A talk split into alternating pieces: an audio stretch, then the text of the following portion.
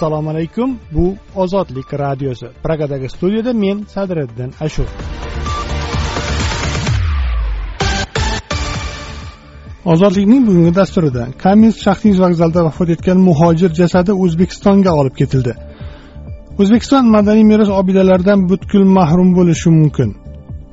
Namanganda bemorning yaqini tomonidan kaltaklangan shifokor og'ir jarohatlar bilan kasalxonaga yotqizildi. Dasturimizdan xalqaro hayot va mintaqa xabarlari ham o'rin olgan bu ozodlik radiosi.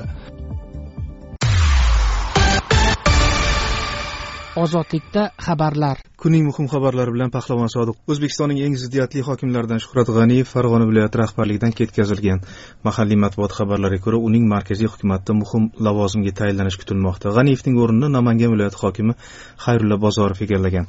Namangan viloyati hokimi vazifasini bajaruvchi etib shavkatjon abdurazzoqov tayinlangani xabar qilinadi. Rostov viloyatida o'n to'qqizinchi sentyabr kuni o'zbekistonliklarni olib kelish uchun yuborilgan poyezdga chiqayotgan o'ttiz uch yoshli samarqandlik mehnat muhojirining jasadi yigirma uchinchi sentyabr kuni vataniga yuborilgan. Shifokorlar samarqand viloyati pastdarg'om tumanida tug'ilgan ramiz j ismli muhojirning o'limiga koronavirus emas balki oldin qurilishda olgan jarohati sabab bo'lganini aytishmoqda. Tashqi ishlar vazirligi konsullik huquqiy departamentining bildirishicha lixay stansiyasi oldi tomonidagi maydonda o'zini yomon his qila boshlagan mehnat muhojiri tez tibbiy yordam kelgunicha hayotdan ko'z yumgan. Oltin meros xalqaro xayriya jamg'armasi o'zbekistondagi o'n ikki ming madaniy meros inshootlaridan hozirgi kunda to'qqiz mingga yaqini qolganini ma'lum qilgan. Jamg'arma raisi amirqul karimning ozodlik bilan suhbatda aytishicha yakkabog' markazidagi qadimiy chashma bo'yi sandaltepa kindiktepa kabi o'nlab tepaliklar vayron qilinib g'isht zavodlari uchun xomashyo tadbirkor uchun inshoot qurilishi fermerlar uchun ekin maydonlariga aylantirilmoqda. Avvalroq o'zbekiston madaniyat vaziri o'rinbosari kamola oqilova agar obidalarni buzib tashlash tendensiyasi davom etsa o'zbekiston madaniy meros obidalaridan butunlay mahrum bo'lishini aytgan edi. Rossiya bevosita investitsiyalar jamg'armasi hamda laksisem farmatsevtika shirkati o'zbekistonga koronavirusga qarshi rossiyada ishlab chiqarilgan sputnik v vaksinasidan o'ttiz besh million dozagacha yetkazib berish borasida kelishuvga erishgan. Bu haqda jamg'arma matbuot xizmati xabar bermoqda. Xabarda aytilishicha o'zbekistondagi tegishli idoralar tomonidan ma'qullangandan keyin ikki ming yigirmanchi yili respublikaga o'n million dozaga qadar kelasi yil esa yana yigirma besh million dozagacha vaksina yetkazib berish ko'zda tutiladi. Gamaleya nomidagi epidemiologiya hamda mikrobiologiya milliy tadqiqot markazi tomonidan ishlab chiqilgan sputnik vaksinasi shu yil o'n birinchi avgustda rossiya sog'liqni saqlash vazirligi tomonidan ro'yxatga olinganda g'arblik ekspertlar vaksinaning xavfsizligini savol ostiga olishgan. Yevropa ittifoqi tashqi ishlar mahkamasi raisi jozef barel yigirma to'rtinchi sentyabr kuni ittifoq aleksandr lukashenkoni belarus prezidenti sifatida tan olmasligini tasdiqlagan. Yigirma uchinchi sentyabrda lukashenkoning inauguratsiya marosimi minskda imijimida o'tkazilishi ortidan belarusda norozilik to'lqini yanada kuchayib minglab odamlar namoyishlarga chiqishdi. Politsiya norozilarni tarqatish uchun kuch ishlatgan yevropa ittifoqi tashqi ishlar mutasaddisi jozef borel o'z bayonotida ittifoq belarus bilan munosabatlarni qayta ko'rib chiqayotganini ham ma'lum qilgan. Yigirma uchinchi sentyabrda qo'shma shtatlar aleksandr lukashenkoni qonuniy prezident deb tan olishdan bosh tortishini bildirgandi. Afg'oniston hukumat kuchlari paktika viloyatidagi janglar paytida tolibonning oltmish besh nafar jangarisini o'ldirgan. Paktika viloyati hokimining bildirishicha yigirma uchinchi sentyabr kuni tolibon jangarilari vazihva tumanidagi harbiy shtabga hujum qilgan. Hujum paytida hukumat kuchlari oltmish besh tolibni o'ldirgan va yana o'ttiz besh nafar jangari yaralangani xabar qilinadi. Jang bir necha soat davom etgan. Ayni paytda hukumat kuchlarining uch askari halok bo'lgan va olti askar jarohatlangan. Tolibon ushbu xabarga hozircha munosabat bildirgani yo'q biroq bir kun avval tolibon uruzg'on viloyatida hujum uyushtirib yigirma sakkiz nafar politsiyachini o'ldirgani haqida bayonot bergandi. Rossiyada sud pristavlari muxolifatchi aleksey navalniyning moskva shahar marino tumanidagi kvartirasini hibs qilgan. Bu haqda siyosatchining matbuot kotibi kira yarmish bildirdi. Muxolifat lideri navalniy ayni paytda germaniyada davolanishni davom ettirmoqda. U yigirmanchi avgust kuni tomskdan moskvaga uchayotganda komaga tushib omsk kasalxonasiga yotqizilgan. Yigirma ikkinchi avgustda esa germaniya hukumati uni berlindagi sharite kasalxonasiga olib kelgan edi. Xabarlar bilan tanishdingiz. Boshqa yangiliklar ozodlik org saytida. Ozodlik radiosi. Mehnat muhojiri. Rostov viloyatida o'n to'qqizinchi sentyabr kuni o'zbekistonliklarni olib kelish uchun yuborilgan poyezdga chiqayotgan o'ttiz uch yoshli ramiz ismli o'zbekistonlik vafot etdi. Samarqandlik muhojir jasadi yigirma uchinchi sentyabr kuni o'zbekistonga olib ketildi shifokorlar uning o'limiga koronavirus emas balki oldin qurilishda olgan jarohati sabab bo'lganini ta'kidlamoqda. Tafsilotlar bilan moskvadan men umidbek bir ming to'qqiz yuz sakson yettinchi yilda samarqand viloyati pastdarg'om tumanida tug'ilgan ramiz ismli o'zbekistonlik ikki ming yigirmanchi yilning o'n to'qqizinchi sentyabr kuni rostov viloyati kaminsk shaxtinsk shahri yaqinida o'zbekistonlik muhojirlar uchun tashkil qilingan chodir shaharchada vafot etgan. Tashqi ishlar vazirligi konsullik huquqiy departamentining bildirishicha lixaya stansiyasi old tomondagi maydonda o'zini yomon his qila boshlagan va tez tibbiy yordam yetib kelgunicha u hayotdan ko'z yumgan. Uning ahvoli poyezdga minayotganda birdan yomonlashdi va ushbu yerdayoq u vafot etdi. Chaqirtirilgan tez yordam uning o'limini qayd etdi. Jasadni o'likxonaga olib ketdi. Yigirma uchinchi sentyabr kuni uning amakisi jasadni keyingi reysda o'zbekistonga olib ketdi deya xabar qildi interfaks nashriga o'zbekistonning rostovdagi konsuli rustam qo'rg'onboyev. o'ttiz uch yashar o'zbek migrantining o'limi borasida kaminsk shaxtin shahri lixovskoy mikrorayoni ma'muriyati rahbari vazifasini bajaruvchi aleksandr sribniy ham bunday izoh berdi. Uning ahvoli vokzal maydonidayoq yomonlashdi. Yonimizda bo'lgan qutqaruvchilar uni jonlantirishga urinib ko'rishdi. Yigirma to'rtinchi sentyabr kuni uning jasadi otasi bilan birga o'zbekistonga uchoqda jo'natildi dedi ma'muriyat rahbari jurnalistlar oldida qilgan chiqishida. Tashqi mehnat migratsiyasi agentligi ramiz rostov viloyati kamensk shaxtinsk shahrida muhojirlar uchun tashkil qilingan chodir shaharchada yashamagani haqida maxsus xabar tarqatdi. U sankt peterburg shahridan kamensk shaxtinskka o'n to'rtinchi sentyabrda yetib kelgan va sog'lig'i yomonlashgani sababli shahar kasalxonasiga yotqizilgan. O'n to'qqizinchi sentyabr kuni u kasalxonadan poyezdga chiqarilish uchun lixaya stansiyasiga olib borilgan. Xabarda mazkur shaxs shahar markaziy shifoxonasiga murojaat qilgani uning bir tomonlama pnevmoniya va qon tomir kasalligiga chalingani aniqlangani ham aytilgan. Rasmiy ma'lumotda ta'kidlanishicha fuqaroning koronavirus bilan kasallangani tasdiqlanmagan. Marhumning jasadi charter reys orqali o'zbekistonga jo'natilgan. Ozodlik aniqlanishicha ramizning jasadi kamins shaxtins markaziy shahar shifoxonasida tibbiy ekspertizadan o'tkazilgan. Shifokorlar unga bir tomonlama pnevmoniya hamda qon tomir kasalliklari bo'lganini aniqlashgan. o'ttiz uch yashar muhojir kaminsk shaxtinskka o'zbekistonga poyezdga chipta olgani sababli kelib qolgani ham ma'lum bo'ldi. Ismini oshkor qilishni istamagan vrach ramiz sankt peterburgda qurilishda ishlagani va qo'lidan jarohat olib uyga davolanishga ketmoqchi bo'lganini aytdi. Vrachning so'zlariga ko'ra bu jarohat muhojir tanasida tomir trombozini keltirib chiqargan va u yiringlashga olib kelgan. Vrach o'zbek migranti xuddi shu simptomlar bilan shaxtinskdagi kasalxonada besh kun davolanganini bildirdi. Biroq shifokor dastlabki ekspertiza xulosalariga qaramasdan o'zbek muhojirining o'limi yuzasidan rasmiy tashxisni sud tibbiy ekspertiza tayinlashi mumkinligini bildirdi. Ozodlik radiosi. Hodisa. Namanganda bemorning yaqini tomonidan kaltaklangan shifokor og'ir jarohatlar bilan kasalxonaga yotqizildi. Tafsilotlar bilan barno anvar. Kaltaklangan yigirma sakkiz yashar shifokor namangan viloyati chust tumanidagi qirq to'qqizinchi sonli oilaviy poliklinika umumiy amaliyot shifokori husan ergashev bosh miya chayqalishi bosh qismi va tananing boshqa qismiga yetkazilgan turli jarohatlar bilan chust tuman tibbiyot birlashmasi travmatologiya bo'limida davolanmoqda. Ozodlik bilan qisqa muloqotda shifokor hodisa besh kun muqaddam sodir bo'lgani va hozir biroz o'ziga kelgani ammo hanuz oyoqqa tura olmaganini aytdi. Uning aytishicha uni kaltaklagan hamqishlog'i muqaddam sudlangan shaxsdir.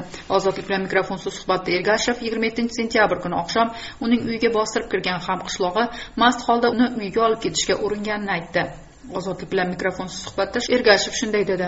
Mahallamda turadi. Chaqirdi. Chiqsam mast ekan.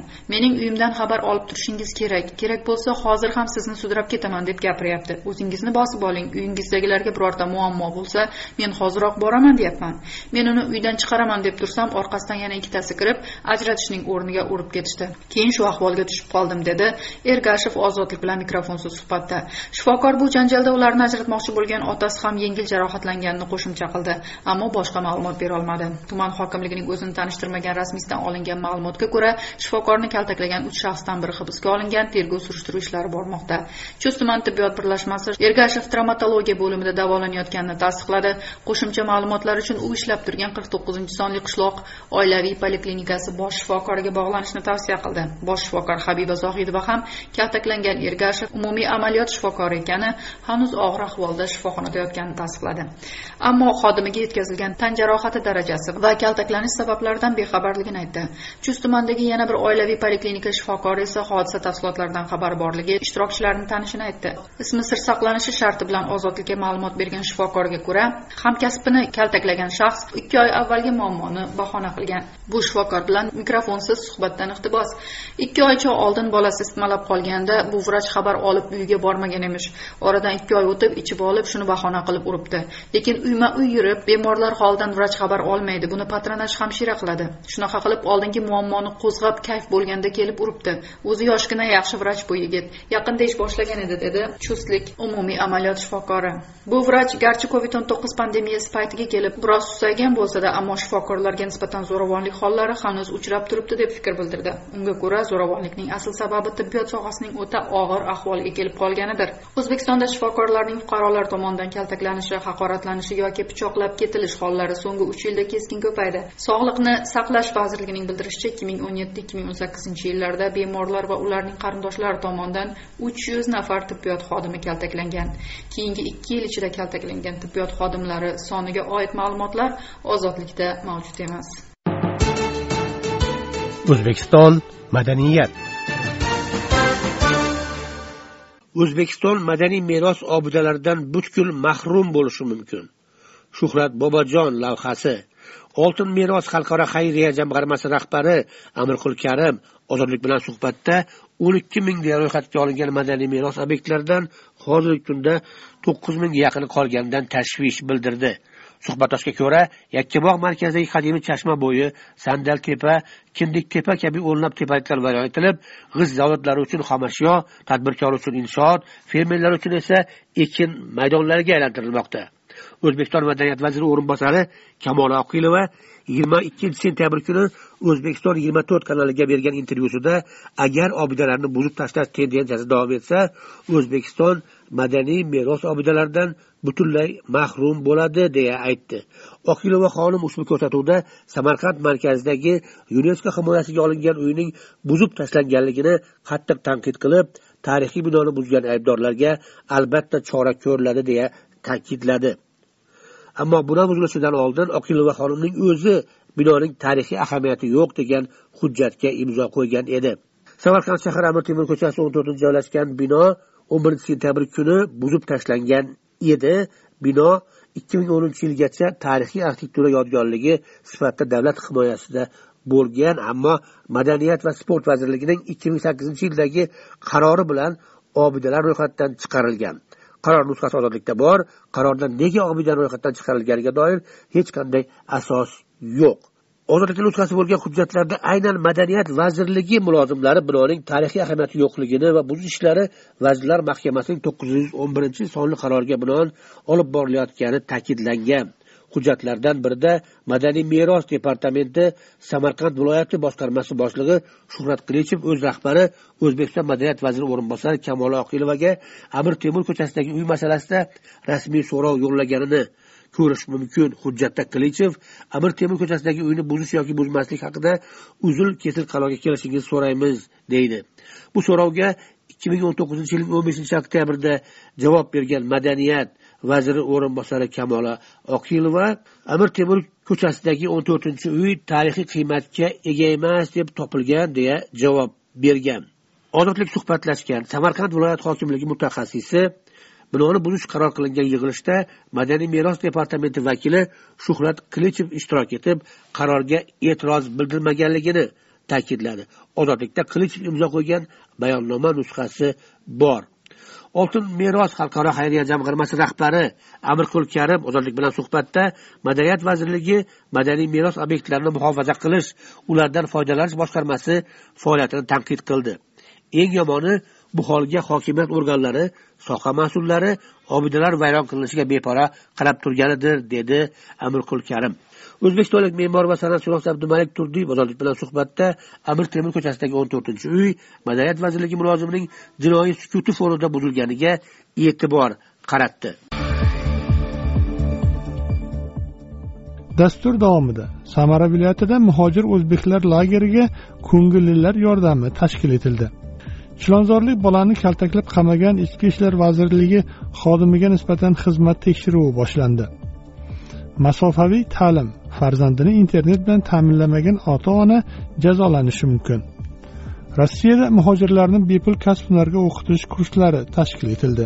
Bu haqiqatdan ham yuz foiz bepul. Hattoki shunaqa imkon qilyaptiki kelsin o'qisin o'rgansin hujjatini olsin va dasturimizda xalqaro hayot va mintaqa xabarlari ham o'rin olgan bu ozodlik radiosi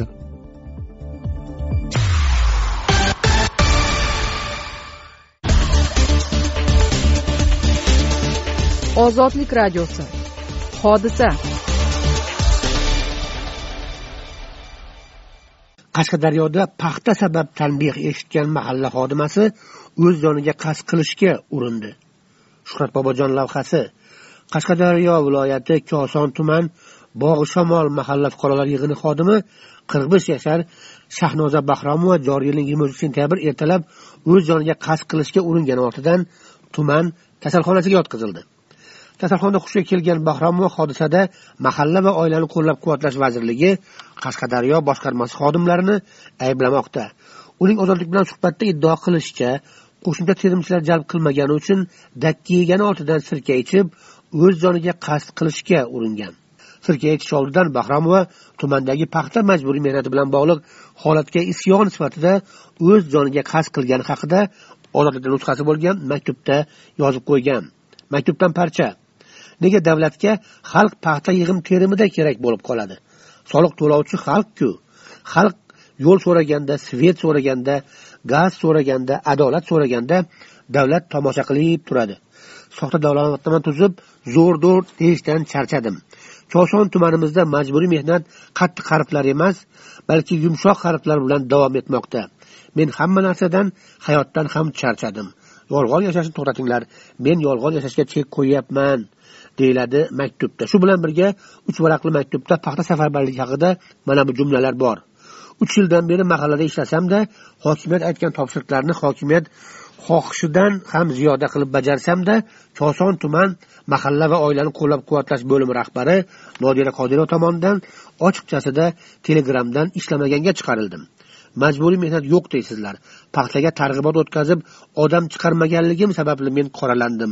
Imkoni bo'lsa oddiy xalq o'zi uchun chiqib teryapti men ularga nimadir va'da berib majburiy paxtaga chiqara olmayman. Telegramdagi bepisandliklar paxtaga odam olib chiqmaganligim uchun bo'ldi deyiladi maktubda. Yigirma uchinchi sentyabr kuni ertalab qizi tarafidan kasalxonaga olib kelingan bahromova hushiga kelgandan keyin kunning ikkinchi yarmida ozodlik bilan suhbatlashib paxta terimidagi mavjud otryadlarga qo'shimcha yangi terimchi topish bo'yicha koson tuman hokimining o'rinbosari nodira qodirovadan dakki eshitgandan tushkunlikka tushib o'z umriga nuqta qo'yishga qaror qilganligini ta'kidladi. Chiqmay sonlar qanday qilib olib chiqaman? Nima deb va'da beraman? Chiqmay sonlarga mani qo'limga vakolat bo'lmasa ularni har yil aldolmayman. O'tgan yili aldadim. O'sha rahbarimiz bor oila va mahalla qo'llab quvvatlash bo'limi boshlig'i nodira qodirova. O'tgan kishi bilan yurdim. Keyin ayollar norozi bo'ldi ba'zan kech kelamiz paxtamiz kiloti kam bo'ldi deganga nodira qodirova nomerlarini berdim. Bir marta olib muammoni eshitdi keyin ayollarni telefon raqamini olmay qo'ydilar. Man ishlavimga bir yil tanadashimni eshitdim ayollardan. Siz aldoqchisiz yolg'on gapirasiz bizdan biron ishimizni hal qilib bermaysiz. Kecha kechqurundan kutdim ertalabgacha ham kutdim boshlig'imni telefonini. Bir manga dalda beradimikin telegramdan man deputatlarcha haqorat qilgani uchun aytarmikin? Yo'q e shunchaki tashlagan edim. Boshqalarni ham urishamanku sizni ham birovni urishsam nima qilib deb aytar deb eshitdim. Kutdim qo'ng'iroq bo'lmadi. Mani yuragimga malham bo'layotgan biron og'iz bir gap bo'lmadi rahbarim tomonidan. Ertalab xo'jayinimni o'g'limni qizimni jo'natdimda o'kishdim koson tumani hokimining o'rinbosari mahalla va oilani qo'llab quvvatlash bo'limi boshlig'i nodira qodirova ozodlik bilan yigirma uchinchi sentyabrdagi suhbatda bahromovaga hech kim bosim o'tkazmaganini ta'kidladi. Uning aytishicha tumanda paxta safarbarligi bilan bog'liq majburiy mehnat umuman yo'q. Men bu voqeani eshitiboq kasalxonaga yugurib borib bahromovaning holidan xabar oldim. Bahromovaning o'g'li firibgarlikda ayblanib ishi sudda. O'g'li qamalgandan tushkunlikka tushganini aytib yordam so'radi bahromova men lavozim taqozosi bilan faqat mfi rahbarlari bilan gaplashaman. Bu ayolga terimchilar shakllantirish bo'yicha topshiriq bermaganman. Telegramda umumiy qilib voyaga yetmaganlar paxtaga safarbar qilinmasin degan vazifani hamma qatorida u kishiga ham yo'llaganman. Bor gap shu dedi qodirova. Ozodlikda koson tuman hokimining o'rinbosari nodira qodirovaning telegram tarmog'i orqali terimchilar sonini ko'paytirish haqida yigirma birinchi sentyabrda yo'llangan ko'rsatma ruxsati bor. Ozodlik radiosi. Hodisa. Samarqand viloyatining urgut tumanidagi to'yda ishtirok etgan oltmishdan ziyod mehmon ovqatdan zaharlanish belgilari bilan shifoxonaga yotqizildi. Tafsilotlar bilan hurmat bobojon. Tumanning o'roq boyjar qishlog'ida yigirma birinchi sentyabr kuni bo'lgan sunnat to'yida zaharlangani aytilayotganlar orasida to'y egasi va uning o'g'li ham bor. Urgut tumani tibbiyot birlashmasi vrachi yigirma ikkinchi sentyabr kuni oltmish olti odam zaharlanishdan shikoyat qilib murojaat qilganini ozodlikka tasdiqladi. Vrachga ko'ra tuman kasalxonasining yuqumli kasalliklar bo'limiga yotqizilgan bemorlardan o'ttizdan ortig'iga uylariga ketishga ruxsat berilgan. Urgut tuman sanitariya epidemiologiya nazorat markazi mutaxassisi zaharlanish to'yda tortilgan mayonezli salatdan bo'lgani taxmin qilinayotganini aytdi. Mutaxassisga ko'ra to'yda tortilgan barcha oziq ovqat va bemorlardan olingan biologik namunalar tekshirish uchun toshkentga yuborilgan. Urgut tumanidagi ommaviy zaharlanish koronavirus pandemiyasi sharoitida to'ylarni o'ttiz kishidan qo'shmagan tartibda o'tkazish talab etilayotgan bir paytda ro'y berdi. Yigirma ikkinchi sentyabr kuni urgut tumanining uroqboyjar qishlog'ida bo'lgan sunnat to'yida yuzdan ortiq mehmon qatnashgan. Bazmda qatnashganlardan biri ozodlikka to'yning ertasiga holsizlik ko'ngil aynishi ich ketishi kabi belgilar bilan shifoxonaga murojaat qilganini aytdi. To'y egasi ozodlikka aytishicha sunnat to'yi o'z hovlisida o'tkazilgan va taomlarni mahallaning oshpazi tayyorlagan unga mahalla ko'y yordamlashgan. Urgut tumani tibbiyot birlashmasi vrachining ozodlikka aytishicha yigirma ikkinchi sentyabr kuni oltmish olti odam zaharlanishdan shikoyat qilib murojaat qilgan. Ovqat taksi infeksiyasi tashxisi bilan oltmish olti bemor murojaat qildi. Hammasini ahvoli yaxshi. Hozir o'ttiztachasi kasalxonada qolganiga uylariga ruxsat berildi dedi shifokor.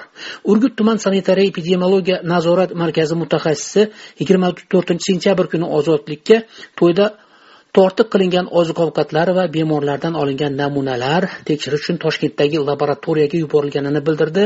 Uning aytishicha odamlar to'yda tortilgan mayonezli salatdan zaharlangan bo'lishi mumkin. Hamma ovqat namunalari olindi va toshkentga jo'natildi. Ba'zi ovqatlarni yeb bo'lishgan tuman ichki ishlar va prokuraturasi ham tekshiruv o'tkazmoqda. Bizni taxminimizga ko'ra mayonezli salatdan zaharlanish bo'lgan bo'lishi mumkin. Chunki shu salatni kim yegan bo'lsa ko'ngil aynish qayd etish ich ketish bo'lgan dedi ses xodimi. Urgut tumanidagi ommaviy zaharlanish koronavirus pandemiyasi sharoitida to'y qatnashchilari o'ttiz kishidan qochmasligi talab etilayotgan bir paytda ro'y berdi. Karantin tartibini buzib to'y qilganlar o'zbekiston ma'muriy kodeksi bo'yicha jazolanishi ogohlantirilgan.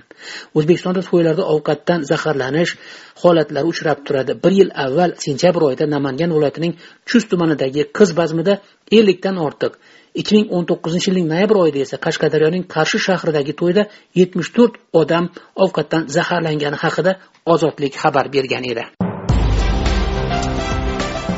Ozod mikrofon tinglovchilarimizga o'z fikrini erkin ifodalashi uchun berilgan bir imkoniyatdir. Ozod mikrofon ruknida berilgan fikrlar uchun ozodlik radiosi tahririyati mas'ul emas. Qashqadaryo viloyati koson tumanidan ozod mikrofonga qo'ng'iroq qilgan rasul bomurodovning arz qilishicha hokimlik uning beshinchi qavatdagi uyini birinchi qavatga almashtirib beraman deb olib qo'ygan. Oqibatda esa nogiron ota xotini va to'rt farzandi bilan ko'chada qolgan. Ruslan bomurodov bilan men sadiriddin ashur suhbatlashdim.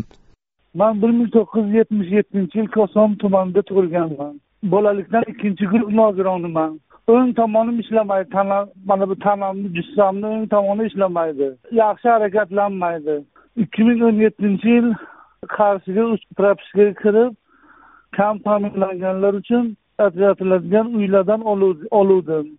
Bu uy beshinchi etaj beshinchi etajdan to'g'ri kelib qoldi chiqib tushishga qiynaldim. Nogironligimdan tashqari ikki ming o'n yettinchi yilda insult ham o'tkazgan o'tkazganman. Qon bosimim juda juda yuqori. Shuning uchun qarshi shahar hokimiyatiga murojaat qildim. Qarshig'ar hokimiyatiga murojaat qildik. Shu beshinchi qavatdagi uyni birinchi qavatga almashtirib beringlar deb xat berishdi birinchi agar topshirsangiz birinchi qavatga almashtirib almashtirib beramiz deb xat xat berishdi lekin keyin hamma hujjatlarni qalbakilashtirib uyni olib qo'yishdida man uysiz qoldim.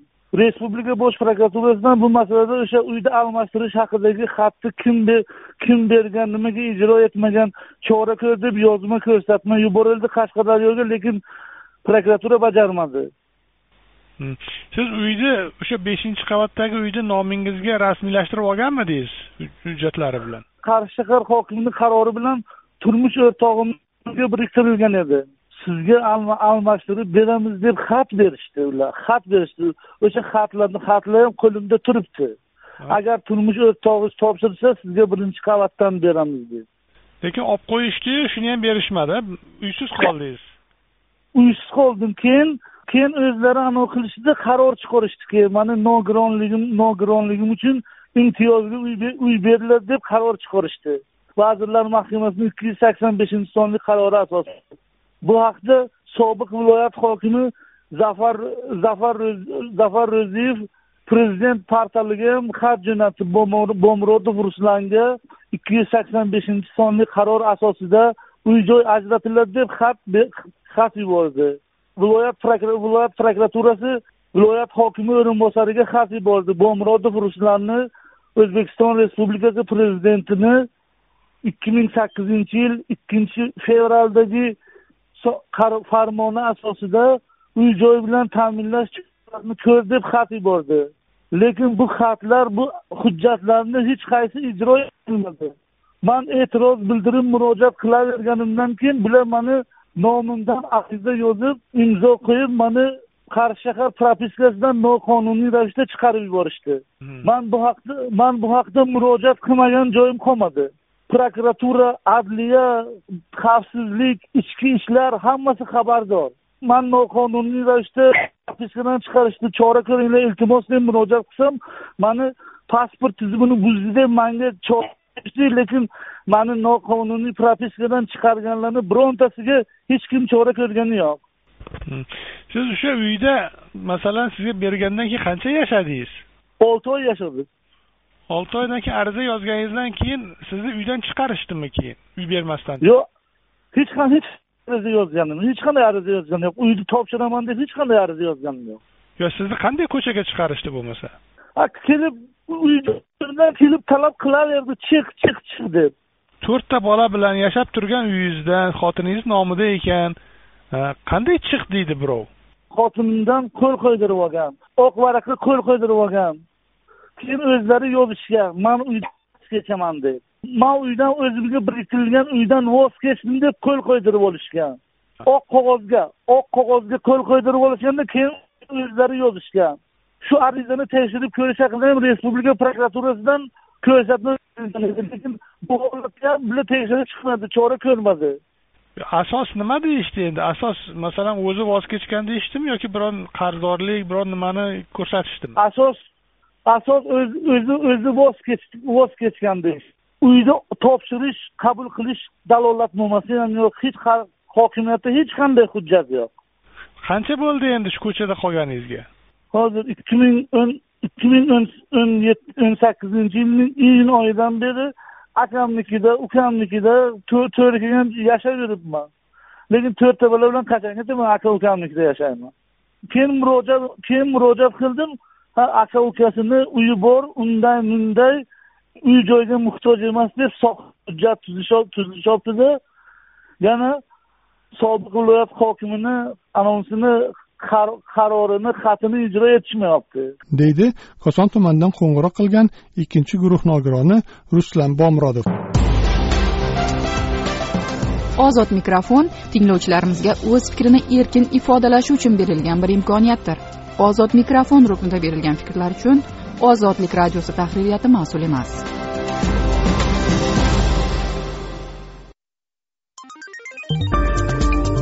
ozodlik radiosi instagram tarmog'ida. Kundalik xabarlar audio video lavhalarimizni kuzatishingiz do'stlaringiz bilan osongina ulashishingiz mumkin. Lotinda ozodlik radiosi deb qidiring.